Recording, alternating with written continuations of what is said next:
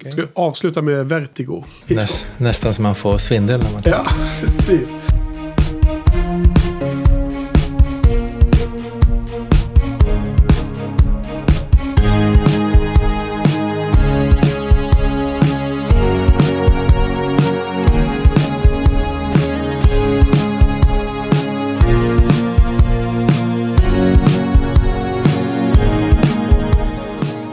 Okej, välkomna till Shiny-podden och sjätte säsongen. Och nu ska vi återigen besöka Alfred Hitchcocks filmografi.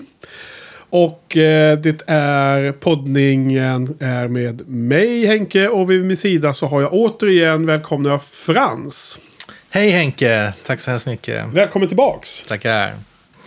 Det var ett tag sedan senast. Eh, Ja, det har varit en lång, lång och plågsam väntan. Men ja. nu äntligen får man ha fått se lite Hitchcock igen. Precis. Så vi avslutar ju med The Lady Vanishes förra gången. Eh, den näst sista filmen som eh, Hitchcock gjorde i sin brittiska tidiga era. Precis. Och eh, redan under The Lady Vanishes så fick han, eller någonstans i den här av den så fick han ju ett kontraktsförslag från producent Selznick borta i USA. Och eh, han skulle faktiskt göra en eh, filmversion av Titanic. Var, var det, det de hade bestämt. Oh, wow. Eh, men eh, den, den kunde inte genomföras förrän lite senare. Så då hann ju Hitchcock göra en film till då i England. Vilket då blev den här Jamaica In som vi ska se. Eller som vi ska prata om idag. Okay. Som vi har sett inför idag. Mm. Och senare när han väl kom över till England så, så hade Selznick ändrat sig och bestämt. Eh, eller föreslog slash bestämt att de skulle köra Rebecca istället. Den här Titanic-filmen, blev den gjord av någon annan? Det var inte kommenterat på det sättet. Mm. Det, det, här nämndes i den här intervjuboken. Och det mm. finns säkert dokumenterat på internet för de som är nyfikna. Uh, men, men det är nästa film då, Rebecca, som är den första från Hollywood-eran. Uh, så nu, nu ska vi då avsluta, vi ska inleda denna fas av Hitchcock med att avsluta den brittiska eran. Alltså en uh, film från 1939, en thriller står det på Wikipedia. Jaha. Till att börja med, är det en thriller tycker du? Jag tycker att den, den klassificeringen visar på en stor del av problemet med filmen. Ja, för att? För att jag tror inte att det ska vara en thriller egentligen, men han har gjort det till en thriller. Jaha. Men... Eh... Det kommer direkt, eh, en av de här eh, eh, mer tydliga sakerna de diskuterar i intervjuboken med Truffaut är ju... Eh, båda tycker filmen är jättedålig, kan jag säga direkt. Ja. Och jag måste hålla med, det här var inte den starkaste filmen från den brittiska eran direkt. Nej, jag tycker också att det var en av de allra, allra sämsta. Ja, just det. Eh, och eh, det handlar om den här kvin kvinnan som vad hon nu heter. Eh, vad heter hon nu då? Mary eller? Har jag fått för mig. Ja, Mary hette hon. Eh, Mary Jallan som kommer från Irland och ska söka upp sin moster och hennes man. För att mostern har dött. Hon, har, liksom, hon är typ 18-20 år. Och sen visar det sig att mosterns man Joss är någon slags eh, gängledare för eh, pirater. Som lurar in, eh, förstör eh, fyrljus och får, får skepp att gå på grund inne vid stranden. Och sen så mördar de alla som överlevt och snor alla värdigheter. vad heter det? Alla cargo. Precis. Kontraband på skeppet. Och sen eh, så finns det då en eh, figur som spelas av eh, Charles Lawton som heter Sir Humphrey Pengallan. Som är någon slags polis eller domare eller vad är han? Domare, ja. Justice, Justice of Peace. Eller något. Ja. Han är liksom den lokala lawman. Som då hon får hjälp av. Och det finns en undercover polisman som har nästlat sig in i det här gänget. Som också ganska tidigt blir avslöjad och blir på, ja, igen då, jagad. En man som är då oskyldig till de här brotten som filmen handlar om. Mm. Och hon, Mary, hjälper honom lite on och off där. Liksom. Ibland är hon på hans sida, ibland inte. va? Ja, precis. Hon är ju ganska rådig, måste man säga, till hennes försvar. Ja, Både... hon är från Irland trots allt. Ja, ja, precis. Jo. De, är, de är väl liksom byggs väl ordentligt där. Alla irländare. Så det är lite, lite, lite svårt. Det är liksom inte en sån där klockren kort synopsis som de allra bästa filmerna har. Och, det, och nu när jag tänker på det här just i stunden så känns det också som att hela storyn är lite rörig om man skulle vara helt ärlig va? Ja, den, den är rörig och jag tycker att han har begått ett stort misstag om man får det kanske var fel, fel att säga så. Men det, finns ett, det stora problemet för mig med den här filmen ja. är att han har... Vi har pratat om det tidigare, att han vill ta bort mysteriet för tittaren. Ja. Han vill inte att tittaren ska gå och tänka på något som bara är ett mysterium, utan han vill att till, tittaren ska uppleva spänningen i ja. hur karaktärerna går igenom det här mysteriet eller situationen. Mm. Och, men i den här boken så är hela, eller stor del av suspensen, spänningen bygger på att man långsamt märker att någonting är lite fel. Hon kommer till det här Jamaica in och man liksom får mer och mer märka att det är något som inte riktigt stämmer här. Det. Det, är inte, det är inte det här säkra stället där den godmodiga Nej. mostern eh, tar hand om eh, sin eh, systerdotter och där de, där de driver ett värdshus. Det, liksom, det kommer aldrig några gäster dit. och det Ibland ja. är det lite konstiga figurer och liksom det tisslat och tasslas. Och långsamt, långsamt så byggs den här äh, terrorn upp för den här unga kvinnan. Ja. Man liksom inte vet. Men i den här filmen så får man direkt, ja, det går väldigt fort där. innan filmen ens börjar, så får man se vad det här gänget, vad, vad det är som pågår här. Just det. Och jag drog parallellen med äh Never Let Me Go. Där, den, den, moderna filmen, 2010? Ja, den boken av den här japanska författaren. Ja. Där, där det för läsaren är samma typ av anspänning, nästan som en oro. För man vet, man märker bara långsamt att någonting är lite fel. Men det tar ganska lång tid innan man förstår vad det är, vad som, som är fel. Precis, ja. vad det är som pågår. Och då, I filmen är det samma grepp där, att innan filmen ens börjar så kommer det upp ett plakat där det står vad det är som pågår. Så det man har gjort, för mig har man liksom förstört filmen på samma sätt i, de här, i den filmen som Hitchcock har gjort. Även om Never Let Me Go var väldigt eh, bra som film. Ja, men man, man, har förstört det som, var det, ja. som för mig var det centrala ja. elementet. Den här oroskänslan, anspänningen, att inte, att inte liksom förstå vad det var som pågick. Ja, men, men det var ju väldigt spännande spaning från dig där. För att det är inom samma område som eh, Truffaut och Hitchcock diskuterar filmens svagheter med. Okay. Därför att eh, det han pratar om tidigare, Hitchcock, är ju, i andra intervjuer är ju, eller tidigare, om, om tidigare filmer är att han tycker det är mer intressant med den typen av film där han får bygga spänning, suspens. Och som inte är who done it. Kommer du ihåg att vi pratade om det? Att, yeah. att, att, att, att mysteriet är vem har gjort det. Det är liksom något som han inte är så intresserad av. Precis. Eh, och den där lustiga anekdoten när, någon, eh, när det var, fanns en, två tv-kanaler och någon tv hallåa på den andra kanalen sa att nu börjar den här mysteriefilmen och det var Butlin som gjorde det eller något sånt där. Det fanns någon sån anekdot. Ja, vi... Och då säger han att det här är en Who Done It story. Eh, och, och menar Hitchcock. Och Who Done It är ju vem är... Eh, det handlar inte så mycket om hur Mary upplever suspenser. Utan handlar mer om att det här Rövargänget har ju en mastermind. Någon som har all information om när kommer skeppen, vilken tid och hur ska man, vad är det man ska sno på skeppet. Vilken typ av last har den och så vidare. Mm. Och det är ju då den här polismannen eller eh, Justice, den här domaren. Som spelas av Charles Lawton. Och poängen med den här filmen skulle vara att han introduceras väldigt sent i handlingen som den skyldige. Spänningen skulle vara att, att få reda på att det var han som var den som, som hjälpte Joss och gänget med all denna information. Det hade varit liksom själva poängen med filmen. Men i förarbetena till att spela in filmen så var ju Charles Lawton var ju producent till den här filmen. Och han ville ju spela den här rollen. Och när han såg manus så tyckte han nej, jag, jag måste vara med mycket mer. Så han beställde in en ny manusförfattare som skrev in mycket mer dialog till sig. Så helt plötsligt så är han från första början är det redan i, från första början av filmen så får man reda på med en gång att han är... Ja, det är sa samma grej. Ja, det är samma grej. Precis samma. Det, det får inte byggas upp något. Och Nej. Hitchcock var ju helt förbannad över detta, får man en känsla av mellan raderna. Och, ja. och François Truffaut var ju också så här, det var helt kast liksom. Så att, eh, så att jag menar...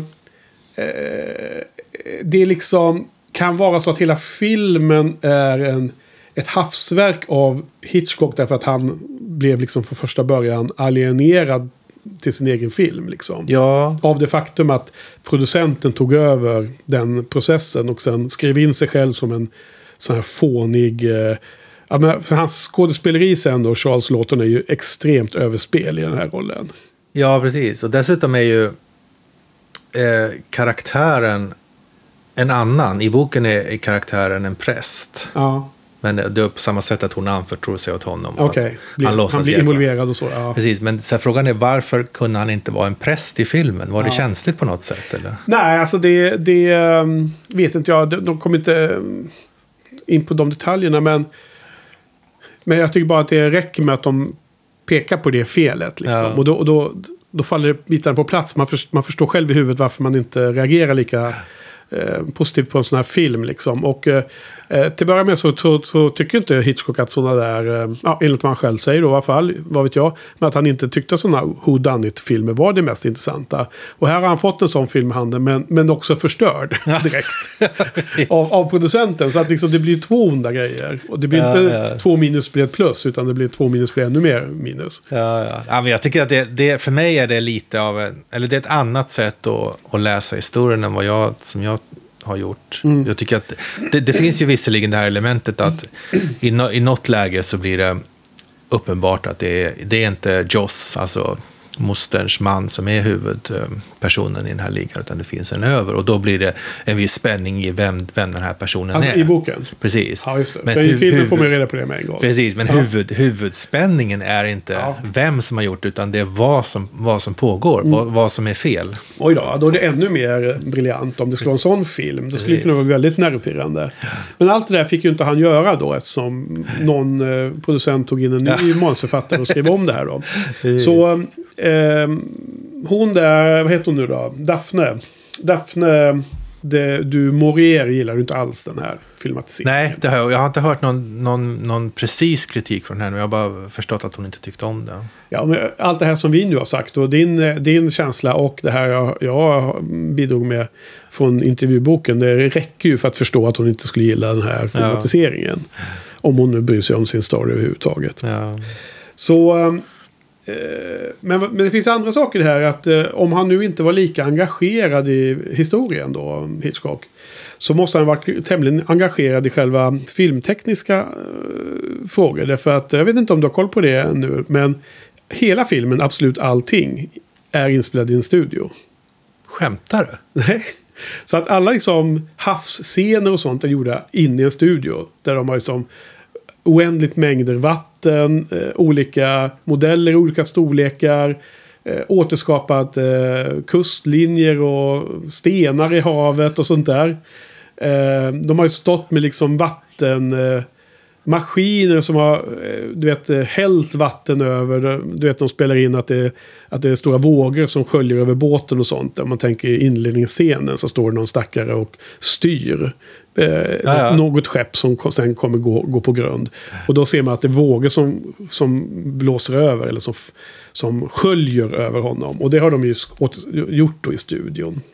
Så det måste ju varit en ganska eh, stor eh, teknisk utveck- jag vill säga, eh, eh, utmaning. Menar jag.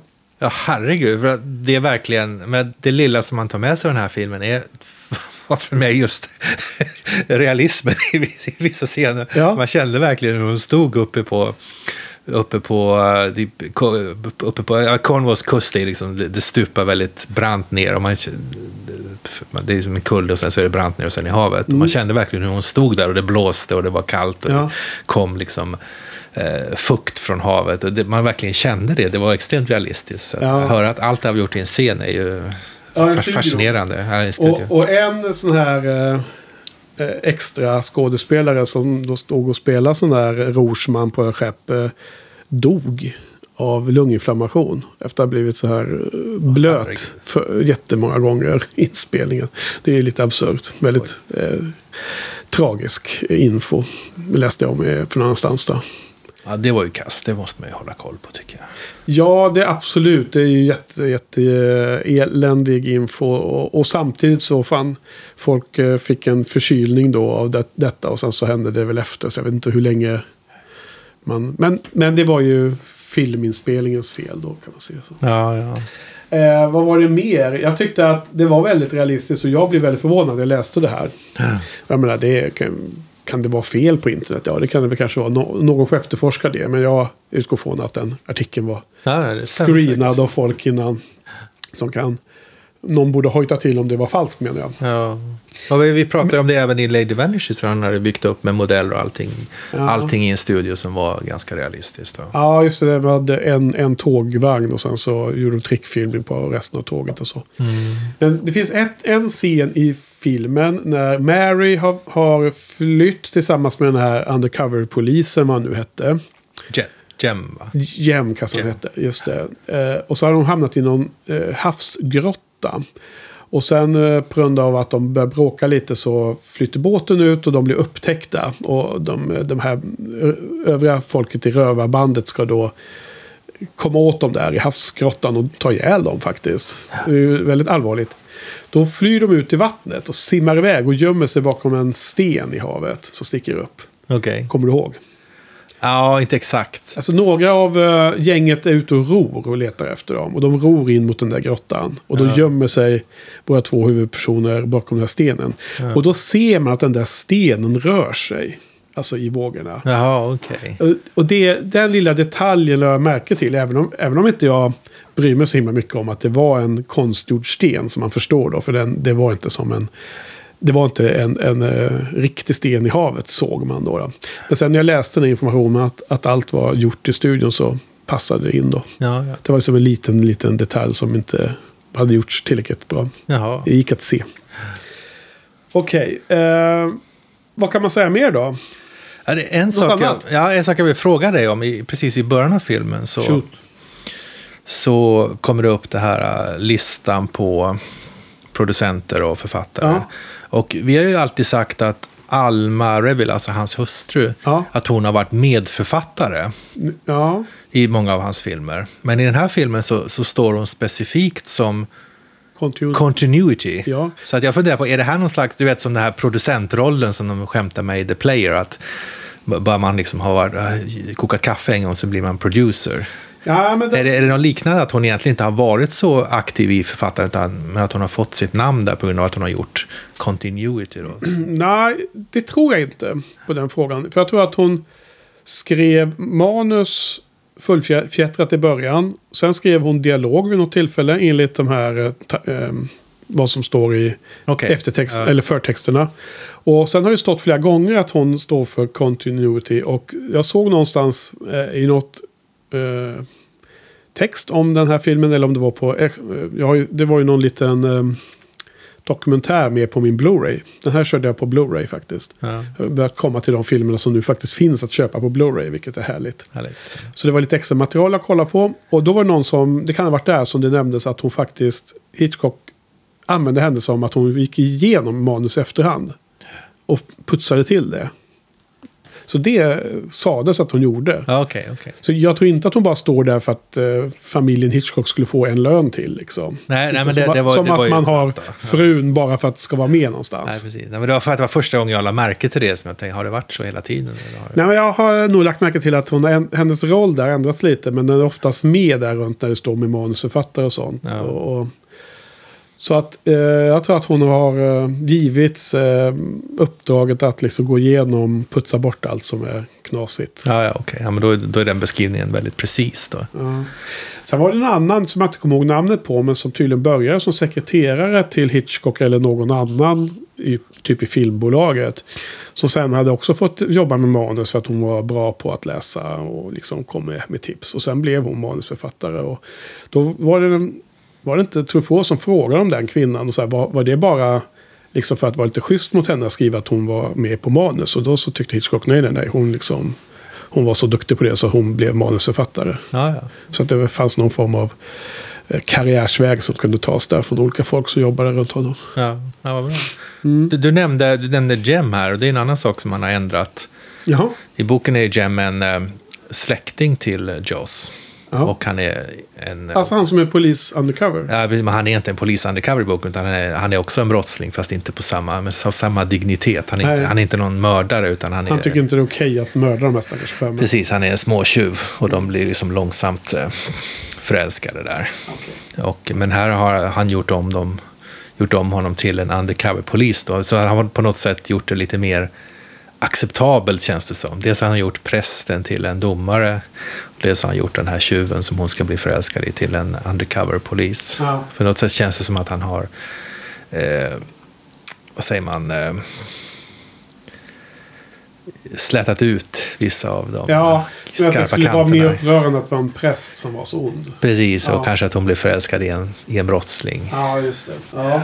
Vem det nu var, för att det var väl ganska många namn på manus här, va? Var det inte det? Flera olika. Story by och Ja, manus by just och by och continuity. Ja, man, man tänker hela tiden att det är Hitchcock som är ansvarig för allt, men så kan det, behöver det inte vara så. Nej, speciellt om man läser att uh, han Lawton tog in en eh, ny manusförfattare och, som skulle skriva in honom mer. Ja, just det. Vad hette det? Huvudpersonen här, eh, Mary, spelas av Maureen O'Hara. Hon var ju en, tror jag, från Irland. Va? Hon var i alla fall från brittiska öarna någonstans där. Okej. Och upptäckt av uh, Lawton. Och eh, hon hette ju Maureen Fitzsimmons egentligen. Okej. Blev omdöpt som, som själva filmskådis då av Lawton. Och si- signade honom, för han var ju filmproducent då. Och eh, fick ju en, en lång karriär, kändis liksom. Jag tänker på Fitzsimmons. Vad, Ja. vad, vad tänker man på då? Ja, jag tänker på den här uh, tv-serien, Ja. Agenterna Shield. Eller vad? Agents of Shield. Ja, hette inte någon Som Fitzsimmons där? Ja, precis. En heter Fitz och en heter Simmons. Och de är ju ett par. Så Just de kallar alla dem för Fitzsimmons där. Just det. Och de är ju de bästa i hela serien. Jag har bara sett första två säsongerna tror jag på den. Nej, du har ju sett mer. Jag har sett två säsonger. Men du såg väl det, den säsongen när Simmons var på en annan planet som var helt blått, blått sken hela tiden? Ja, det, jag såg när, den säsongen där de var... Det var en säsong som slutade med att hon försvann in i en sten Ja. och hamnade i en annan planet. Ja, och det- sen har jag sett säsongen efter det tror jag. Just det. Och den, efter det var ju då när hon var på den planeten. Okej, Mycket. okej, Och det är typ tredje eller fjärde. okej. Ja, men du har sett det. Du, du har inte sett allra sista. Nej, För att den, den var ganska sunkig. Men, men det är ju fort, det är ju som ganska kul att se den ändå. Ja. Alltså, det är lite mer åt Castle, tycker jag. det, det är inte alls min genre, men jag tyckte att den var... Den hade något, den var rolig. Ja. Det var inte, en, en, det var inte det minsta spännande, men Nej. däremot så var den humoristisk. Ja, och det sen var så lite- slutade den lite bli som det efter ett tag. Ja, precis. Ja. precis. Ja, Castle höll ju längre tyckte jag. Den hum- humorn. Den var bättre längre. Nu är ju Agents of Shield liksom bland det svagaste var ju sista säsongen. Ja, ja. Så den, den har ju som en nedåtgående trend. Men det är just Fitz, Fitz eh, Simmons som är roligast att följa, Just. följa fortfarande. På de Castle så finns det ju två, två rena Hitchcock-pastischer i Castle. Okej, ja. Alltså rena av, avsnitt som är helt baserade på Hitchcock-filmer. Och så finns det ett antal andra mindre anspelningar också. Ja, men kommer, kommer du ihåg vilka de är? Ja, det är ju Rear Window är ju ett och eh, Strangers on the Train är ett. Okej, som de har ju bara liksom kidnappat den storyn och göra Ja, en alltså Hitchcock-grej. kärleksfullt. Ja, kärleksfullt ja. Med, med eh, eh, humble och ödmjukt så ja. Precis. Mm. Nej men så ehm, det var lite lustig eh, info där om hennes bakgrund. Eh, som vanligt har ju Hitchcock med ganska många skådisar som har varit med tidigare. Och jag har väl åtminstone skrivit upp fyra stycken skådisar här som, man, som har namngivna andra roller i filmer som vi redan har sett eller kommer se. Ja, Men sen såg jag också när jag kollade på IMDB att det var alltså typ tre eller fyra till som var sådana som har haft små eh, uncredited eh, roller och sånt liksom. Och, och kanske o, ja, väldigt små roller som inte var liksom bland de fem största karaktärerna i, i tidigare filmer. Så att det återkommer ändå liksom. Det verkar som att det är liksom en, en grupp. Får man in en fot där så får man mer jobb. Ja. Men till att börja med så har ju Charles Lawton då, som spelar Sir Humphrey här på det här absurda sättet. Han spelar ju en domare i The Paradigm Case. Okej. Och tydligen mycket, mycket bättre då enligt Hitchcock. Okej. Så att, eh, för att han hatar ju att jobba med honom här och nu. Och det säger han ju uttryckligen i intervjuboken. Men jag tror att de måste ha kommit överens på annorlunda sätt inför nästa film. Ja. Jag gissar att Hitchcock var då mycket mer berömd och mycket mer tung. Så att inte Lawton kunde... Producenten Lawton kunde inte köra över honom lika mycket. Mm. Sen har vi då eh, Basil Radford. eh, som är då Sir Humphreys friend. Det är någon av dem, eh, det sitter massor med, de har ett party i början, en middag. Med massor med absurda folk som Ja, sitter. men där är det ju faktiskt lite humor va? Ja, men det är Minimalt fånig, fånig sort av humor. När han, när han ska presentera sin... Den, den senaste skönheten som han har plockat upp, som heter Nancy. Jaha. Och alla säger att nu han, det är därför han är, sitter fast här. Han, han har någon älskarinna här. Ja. Och så visar det sig att Nancy är en häst. Just det. Ja, det var lite så här... Eh, humor antida- som antida- pa- passar greve, greven ute på, ute på landsbygden. Men, eh, jo, men han var ju faktiskt en av de här två lustiga herrarna i The Lady Vanishes. Du vet, han var charters. Jaha, de som skulle på cricket. Exakt. De här två roliga snubbarna som var fyndiga och roliga. Just det. Som hela tiden balanserade på gränsen till fars, men som var på rätt sida. Och som för övrigt fick eh, egna filmer efter The Lady Ventures. Ja, de, blev, de blev så Ja. populära. Han spelar också den roliga... Eh, alltså Erikas uncle i Young and Innocent. Young and Innocent när de blir jagade av polisen och de eh, tar skydd i, hos, Ja, ja, okej. ja. hos aunten och uncle och så visar det sig att det är eh, Just ett barnkalas där för eh, lilla kusinen. Och Han försöker hjälpa dem att ta sig därifrån. Den lite mer jovaliska herren i huset som bara ville ta sig en drink och eh, relaxa lite medan frun var eh, hyper och eh, senare liksom identifierade att det var en brottslingar som hon hade hos sig. Just det. Så han spelade henne. Så det, återkommit flera gånger. Sen har vi då Joss Merlin. Joss eh, som är eh, värdshusets ägare. Och gift med mostern här i Jamaica Inn. Du vet. Ja. Eh, han heter Leslie Banks. Och han spelar ju pappan i Bob Lawrence i den första The Man Who Knew Too Much.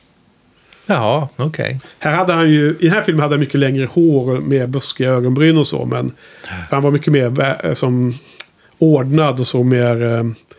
Eh, så, såg mer proper ut i någon mening på The Man Who Knew Too Much. Ja, en ganska diametralt motsatt roll måste man säga. Ja, men ni känner du igen honom utseendemässigt? Nej, inte alls. Inte alls. Och den, den sista då så var det en i, i gänget där. De här, vad, vad kallar vi nu då? Wreckers eller vad var det? Ja, jag vet inte om det är korrekt, men jag kallar dem för det i alla fall. Ah, okay. Det var en eh, skådis som hette Wiley Watson. Och det fanns en i gänget som hette Salvation. Kommer du ihåg det? Ja, kom. Han satt och skrev någonting hela tiden, tror jag. just det. Han spelar ju en viktig roll i The 39 Steps. Okej. Mr Memory. What? Ja. Jaha. Så konstigt att han var tvungen att skriva upp det för att han kunde komma ihåg allting. Han är ju fotografiskt minne. Han kunde bara komma ihåg det som han hade lagt på... Han la ut på minne 50 fakta varje kväll, va? Så var det, ja. Det var bara de man kom ihåg. Exakt, exakt. Jo, men så återigen så har eh, vi massor med skådespelare som återkommer till Hitchcock. Så det är ju... Aj, det kanske inte är så himla intressant egentligen. Aj, ja. Nej, jag vet Det inte. blir en liten eh, strosan nerför minnenas aveny lite av tidigare filmer vi har sett. Ja, precis. Mm. Men jag gissar att det blir ett stort break av det nu när han kommer upp till Hollywood. Så är det väl en helt annan liksom, eh, grupp av skådisar som, som är som en liten hög där borta i Hollywood. Ja, det är väl något som vi kommer att prata om i nästa avsnitt. Mm. Ganska tidigt, känns det som. För, för nästa film, då ska vi prata om Rebecca. Precis. Ja. Okej, mera. Säg mer. Ja, alltså det här som de håller på med, Wreckers. Mm. Det, som du sa så mixtrar de med, med fyrarna, eller led, ledljusen där för Mm. fartygen så att de går på grund. Hemskt. Det ska man inte göra. Och, eh, och sen så slår de ihjäl alla Ja. överlevande. Ja. Och anledningen till att de gör det, Mm. Det var att eh, lagen på den tiden var sån att man, eh, all, all wreckage, alltså all, allt eh, floten, vad säger man, spill från fartyg, fartygen, är, all, det, det tillhör den som hittar det. Ja, om det inte finns någon överlevande. Precis. Ja. Så, att, så att lagen är liksom gjort för att tvinga dem att Ja. slå ihjäl alla överlevande. ja. Det- Precis. Och det- Jag tror säkert att det finns någon, det, är det inte någon liknande fortfarande? Det säkert? skulle mycket väl kunna vara. Jag, Men man har hittat ett övergivet skepp som är, och där alla har drunknat eller dött. Liksom. Då är det väl den som hittar det som får det antar jag. Om, om- alltså om det är ute på, om det inte finns någon ägare liksom. Ja. Och eh, den här praktisen då. Det, det verkar som att det inte riktigt är fullständigt etablerat huruvida det här är bara någon, något som finns i, eh, i, i folk, folkmyten eller om det verkligen var så här det gick till. Du menar historiskt? Ja, precis. Mm. Jag, jag har alltid tänkt på det som att det var, att, att det var så folk gjorde på den tiden. Ja, Att det, det var- jag nog för man- för man har sett det-. Man har sett det beskrivet i olika typer av litteratur och så. Ja. Men sen när man börjar läsa om det så är det nästan som att, jag vet inte om det är någon slags förnekelse eller om det verkligen är att det, att det inte är etablerat att det verkligen gick till på det sättet. Men har du efterforskat alltså? Ja, jag hittade en avhandling från 2007. Okej, avhandling verkligen? Ja, precis. Jag ska länka till den. Jag har, jag har, inte, jag har inte haft tid att läsa, läsa igenom den själv. Nej, okej. Men som, han, som eh, behandlar just, just det här uh, myt eller verklighet. Re- Wrecking i 1800-talets Cornwall. Okej. Cornwall, var det där vi var i somras? Ja, precis. Att. Jamaica Inn finns ju på riktigt. Det ligger ju där. Jaha. Det handlar om en verklig plats som man kan eh, ta in där. Okej. Och det spökar tydligen lite och sådär. Ja, det borde vi göra då. Just. Jaha, vad, vad häftigt. Men... ehm, ja. Va, vad säger du om det här? äh, Nu, nu förtas ju det här lite av att det var inspelat i en studio. Men när jag såg filmen så tänkte jag det här skeppet, så här jättestora skeppet i slutscenen. Ja. Tänkte jag skulle tilltala en saltstänkt herre som Ja. Henke. Jo, det kan vara lite tilltalad av det. Även om det är liksom en annan era. Där, det, den, den där typen av skepp eh, är inte kanske min grej. Men eh, tänkte du något specifikt eller? Nej, jag tyckte att det var så magnifikt bara. Som Ja. jättehöga master och rigging och allt. Ja, men det har de ju. Och, och det är väl egentligen... Jag skulle vilja hävda att... ehm, jag tycker inte filmen var jättebra. eh, Och det har vi redan nämnt. Men det som känns som filmens höjdpunkt är på något sätt slutscenen skulle jag vilja säga. Håller du med? Eh, ja, den är, den är så annorlunda. Den bryter av. Allt det här annars utspelas ju på, på det här, äh, vad säger man på svenska, innen. Värs, värdshuset. Värdshuset Och eller... uppe på kustremsan där liksom. Och så helt Ja. plötsligt är man inne i en stad där det är en hamn och ett skepp. Just det. Eh, för de som inte har sett filmen och ändå vill försöka hänga med lite vad vi pratar om så är det så att eh, Ehm, den här eh, Sir Humphrey som spelas av eh, Lawton eh, flyr och kidnappar Mary och ska fly landet. För han, han har blivit avslöjad av myndigheterna. Och kommer till skeppet och de ska precis eh, lägga ifrån. Han var jättenära att klara sig. Och Mary är ju där inne i hytten, alltså bunden och med eh, munkavel. Så att han ska ta med henne som någon slags eh, price där. Eh, men sen kommer polisen i sista sekund och stoppar allting. Och då, eh, så eh, efter att ha hotat Mary, den här klassiska kidnappningsscenen och någon, hon har lyckats ta sig från honom, så klättrar Sir Humphreys upp i den högsta masten. Den här klassiska repstegar som är på sidan. Och sen när han kommer högt upp så håller han något litet tal där och sen så kastar han sig ut. Och begår självmord. Och bara splash rakt ner på däcket då. då. Och folk kastar sig undan. Och det är ju också en scen som jag påminns mycket av den här scenen i uh, Murder. Det är ju den här. Ja, just det. Han kastar sig ut från trapets. eh, Ja, cirkusartisten. Och eh, väldigt liknande, även om den var faktiskt bättre i Murder filmad. Det var mycket mer suggestivt och det var mycket mer first person eh, point of view och sådana saker som han lekte med där, om du kommer ihåg det. Kameran svajade med honom när han svängde mellan trapetserna så. Det var liksom väldigt suggestiv scen. Men det, de påminner om varandra. Och det den här eh, rädslan för höjden och allting. Och störta sig ner. Liksom. Ja, ja. Just det, det har du rätt. Ja, det kom ju det in, höjd, Ja. höjderna. Men den, jag tycker att den uh, avslutningen är ändå liksom... eh, jag menar, filmen var ganska lång va?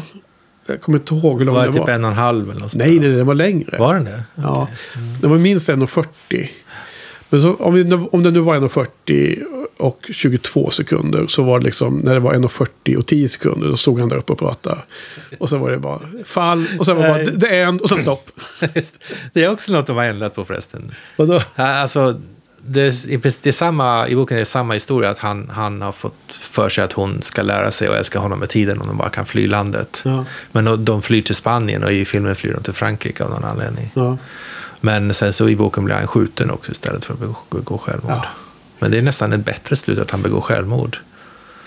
Ja, alltså i den här filmen så är det ju svårt att jämföra för jag, jag får en känsla av att boken är seriös. Fullt igenom och spännande på riktigt. Ja. Och här blir det ju så underminerat av hans skådespeleri som är så over the top så det liknar ingenting. liksom. Ja, jo, precis. Och det blir liksom, man, går, man kan inte ta den karaktären. Den, den, den, det är liksom en låtsasvärld, en um, pajasfars eh, liksom på Midsommarrevyn liksom. På Vä- Västgötaslätten.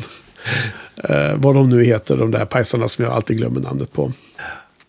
Eh, så att tyvärr så blir det ju inte liksom jämförbart på det sättet egentligen.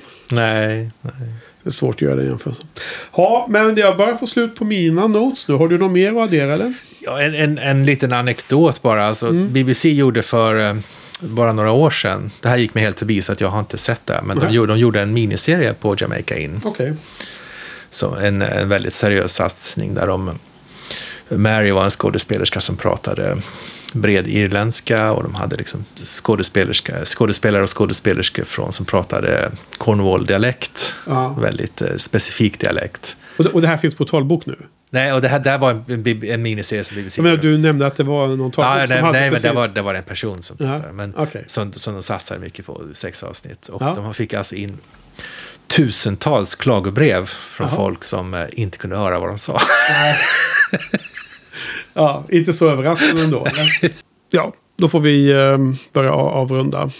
Och eh, ska vi göra det på bred cornwallska då eller? Ja, eller var det irländskan som var svårast då? Nej, jag tror det var? Cornwallskan som Ja. hade problem med. Hur nu den låter, det, det får du. Lå, låt oss höra lite. Ja, Jag kan nog inte härma den på ett bra sätt. Den är så, alltså som man tänker sig klassiska pirater. RR, Okej. Goring Greer. Ja, du vet det här klassiska piratspråket från eh, Skattkammarön. Ja. Eh, Man säger mycket R och R. De har en varm potatis i munnen också. Precis, de precis. pratar, den, den, så är dialekten. Okej, okej. Bra. Just det. Ha, vad kan man säga om det här då? Är det min tur att säga betyget först eller? Mm, ja. Eh, alltså, jag vet inte. Den... Jag gissar att du sätter en och en halv. Men jag vet inte om det egentligen är en etta. För att den har ett visst... Visst... Eh, nej, jag sätter ett och en halv. Det får vara... Eller ja, ja ett och en halv av fem. Okej. Ja, du då? Ja, du gissar rätt. Ett och en halv. Ja. Jag har, jag har korrigerat mig, ner mig tydligen. Jag får försöka... Eh, vi måste ha mycket utrymme kvar uppåt har du ju sagt. Precis. Gång efter, efter annan. Precis. Men när kommer det? Kanske nästa vecka? Kanske. Vem vet? Okej. Så nästa vecka så återkommer vi på måndag som vanligt. Och då är det filmen Rebecca från 1940. Och eh, den stora nyheten med det är ju då att det är första filmen i Hollywood. Och för, eh, inför Hollywood-eran. För visst är det så att han återkommer till England precis i slutet av sin karriär va? Mm, mycket möjligt. Okej. Ja, ja, Frenzy menar du, eller? på sånt, nej. Eh, Men tänkte du på Frenzy eller? Ja, den är ju från eh, London ganska uppenbarligen. Jag vet inte om den är inspelad i England eller, eller USA. Har man återskapat London i USA? Det är väl inte så troligt kanske. Nej, nej, det finns ju flera filmer på vägen som är åtminstone några till som är utspelade i Europa va? Okej. Och jag menar, Rebecca utspelar sig också i England. Ja, Eller hur? Det är absolut. ganska tydligt. Och den utspelar sig, startar i Frankrike och så här och sen. Ja, visst. visst. Men den är gjord där då i alla fall. Den är från 1940. Just det. Jättebra. Men du, då får vi tacka för idag. Tack Ja, Hans. tack Henrik. Ja, tack för oss. Tack för Då hörs vi. Bye bye. Hörs.